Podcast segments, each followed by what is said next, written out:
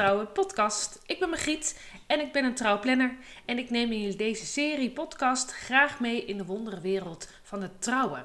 Ik ga in gesprek met alle soorten leveranciers en ik neem jullie mee in mijn eigen werkzaamheden om jullie zo goed te kunnen voorbereiden op jullie eigen trouwdag. Dus wat doe je allemaal in deze voorbereidingen en wat komt er allemaal bij kijken om jullie droombruiloft te creëren?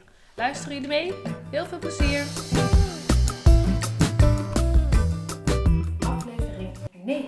De notaris. Ja, jullie zullen wel denken, wat is dat nou voor een onromantisch en saai onderwerp? Nou, deels wel, maar het is wel ook ongelooflijk belangrijk. Want wat regel je bij de notaris? Dat zijn toch uh, eigenlijk uh, de voorwaarden waarmee je het wettelijk huwelijk ingaat. En uh, waarbij je dus vooral goed wil gaan regelen hoe je met je bezittingen en je schulden omgaat na overlijden of scheiden. En het is natuurlijk ergens helemaal niet leuk en ook heel raar om in de voorbereidingen van jullie mooiste dag en dan jullie huwelijk bezig te moeten zijn met overlijden en scheiden. Want dat zijn natuurlijk hele verdrietige um, omstandigheden.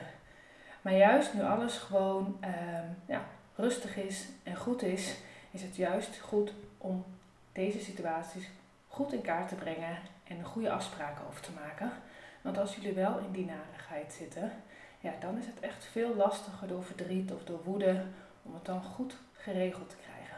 En dat zal je echt ook rust gaan geven als je weet dat dit ook voor elkaar is. Dus het is eventjes, uh, nou, dit uh, aanpakken en daarna, als het goed is, kun je het ook weer loslaten. Um, het is inderdaad voor uh, elk bruidspaar zijn hun situaties natuurlijk heel erg verschillend. Dus betreft ook echt wel maatwerk. Dus laat je hierin dan ook heel erg goed adviseren door die notaris. Um, ik weet, hè, als je aan een notaris denkt, heb ik zelf ook, dan denk je aan hoge kosten en uh, hoge uurlonen. Nou, het zal ook wel weer een bedrag zijn in alles wat jullie te besteden hebben en uit te geven hebben. Maar geloof ook en vraag maar eens om je heen en vraag maar eens aan een notaris. Er zijn ongelooflijk veel voorbeelden waarin uh, de uitkomsten zo naar kunnen zijn en waarbij je dan voor zulke hoge kosten komen te staan, die waarschijnlijk veel hoger zullen zijn dan deze kosten van een notaris. Dus het loont echt wel om uh, hier achteraan te gaan. Ja, en waarin uh, ga ik jullie dan in deze podcast over vertellen? Nou, ik laat jullie even de verschillen, wil ik jullie in meenemen en wat je te regelen hebt en, en nou, wat het dan ook inhoudt. En ik hoop een beetje daarmee dat jullie uh, door het luisteren van deze aflevering ook een beetje voorbereid zijn voor jullie afspraken. En dat je ook een beetje wat gerichtere vragen weet te stellen. Um, ik heb me laten informeren door uh, het notarieel. Zij hebben het ook uh, de tekst zeg maar een beetje nagekeken. Dus in principe, wat ik vertel, moet ook waar zijn. Dus dat is misschien ook goed te weten. Um, het is eigenlijk um, allemaal veranderd sinds januari 2018. Voor die tijd werd eigenlijk standaard getrouwd in algehele gemeenschap van goederen. Dus dat betekende dat op het moment dat jullie getrouwd waren, waren alle bezittingen, alle schulden die jullie meenamen het huwelijk in, ook van jullie allebei. Dus en dan met name dat stukje schulden, daarin ging het dan toch wel heel vaak volgens mij mis. Dus op het moment dat er dan in een scheiding kwam, of ook inderdaad bij overlijden, dan bleek bij de andere een, uh, een grote schuld te zitten, waar dan degene die achterbleef uh, onverhoopt mee uh, kwam te zitten. En dit leidde in heel veel situaties toch wel naar hele treurige omstandigheden van schuldsaneringen en andere schulden. En nou, volgens mij is de situatie bij overlijden of scheiden al verdrietig genoeg. Dus dat maakt dat ze het eigenlijk hebben omgeruild. Januari 2018 hebben ze het omgeruild en trouw je nu standaard in beperkte gemeenschappen van goederen. Nou, wat houdt het in? Is dat je je bezittingen of je schulden die je voor het huwelijk van jou waren, die blijven ook van jou.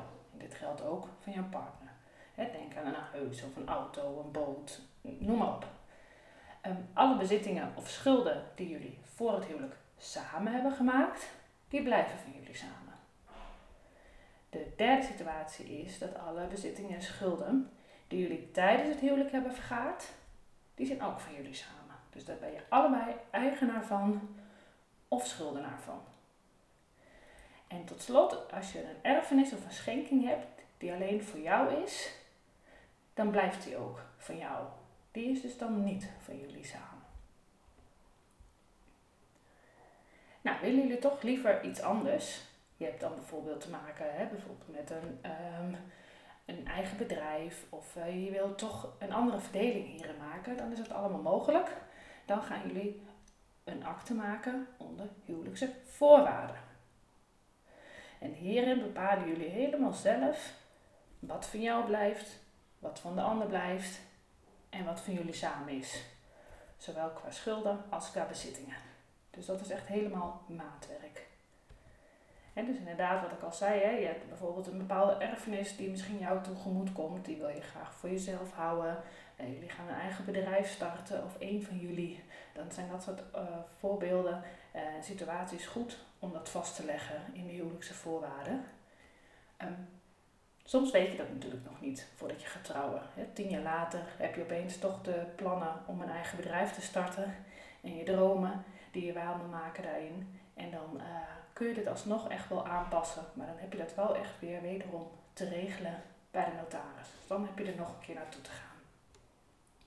Hebben jullie de term koude uitsluiting al wel eens gehoord? Ik vind hem ergens wel uh, heel uh, grappig. Um, nou, ik denk ook wel als je het zo hoort dat je ook wel een beetje weet uh, wat ze ermee bedoelen. maar voor sommigen is het ook onbekend. Um, dit is een bepaalde voorwaarde die je af kan spreken en dat betekent eigenlijk dat je de ander uitsluit. Dus dat betekent dat je echt ieder je eigen vermogen helemaal gescheiden houdt. Dus je gaat niks delen. En bij overlijden, dan gaat het vermogen van de overleden persoon naar zijn of haar eh, erfgenamen die je toegewezen hebt en niet naar je partner. Wat tot slot nog um, goed is om aan te denken, is een, een bestaand testament. Laat je hier ook inderdaad goed over informeren. Soms dan heeft een van twee al een, testament uh, opgesteld. En uh, die gaat dan dus zeg maar mee uh, het huwelijk in. En realiseer je dat dit testament um, nou, zwaarder weegt of nog boven de afspraken staan die jullie in de huwelijkse voorwaarden gaan zetten. Dus bedenk een situatie in dat je al bijvoorbeeld een kinderen hebt uit de vorige relatie en je hebt een testament opgesteld dat al jouw bezittingen na overlijden voor je kinderen zijn. Nou, als je dan uh, dit niet meeneemt in de huwelijksvoorwaarden en je zet daarin uh, dat je wel bijvoorbeeld uh, allebei voor de helft eigenaar bent, dan betekent dat na overlijden dat jouw partner die achterblijft, de helft van zijn bezittingen, dus ook zijn huis, zijn auto, dat die dus eigenlijk allemaal naar de kinderen gaan. En als die kinderen dat opeisen, nou, dan heeft jouw partner die achterblijft, nou, naast al zijn verdriet en gemis ook nog een heel groot financieel en woonprobleem. Dus vraag daar goed naar. Bedenk wat voor testamenten er liggen en neem dit dan ook weer mee in jullie afspraak naar de notaris. Nou, en als jullie dit dan allemaal geregeld hebben, dan gaan jullie weer heerlijk verder met alle leuke voorbereidingen van jullie trouwdag. En uh, het zal inderdaad echt een goed gevoel geven dat jullie ook nou, ook de financiële gevolgen en ook dat jullie, als er een nare situatie komt, dat jullie ook dan goed voor elkaar gezorgd hebben met de afspraken van de notaris.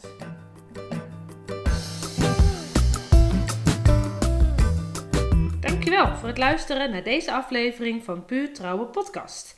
Nou, ik hoop natuurlijk dat je het heel erg leuk hebt gevonden en vooral ook heel erg waardevol. En als dit nou inderdaad zo is, dan zou ik het wel heel leuk vinden als je een review zou willen achterlaten. Dan kan een ander bruidspaar mij ook weer beter vinden en kan ik hun ook weer inspireren. Abonneren zou natuurlijk helemaal tof zijn, dan mis je helemaal niks. En willen jullie nou nog meer informatie vinden over mij en mijn werk, dan kunnen jullie kijken op mijn website van puurtrouwen.com en anders mijn socials. Hier vind je trouwens ook nog een link naar mijn gratis e-book in 10 stappen naar je droombruiloft. Nogmaals bedankt en heel graag tot de volgende keer.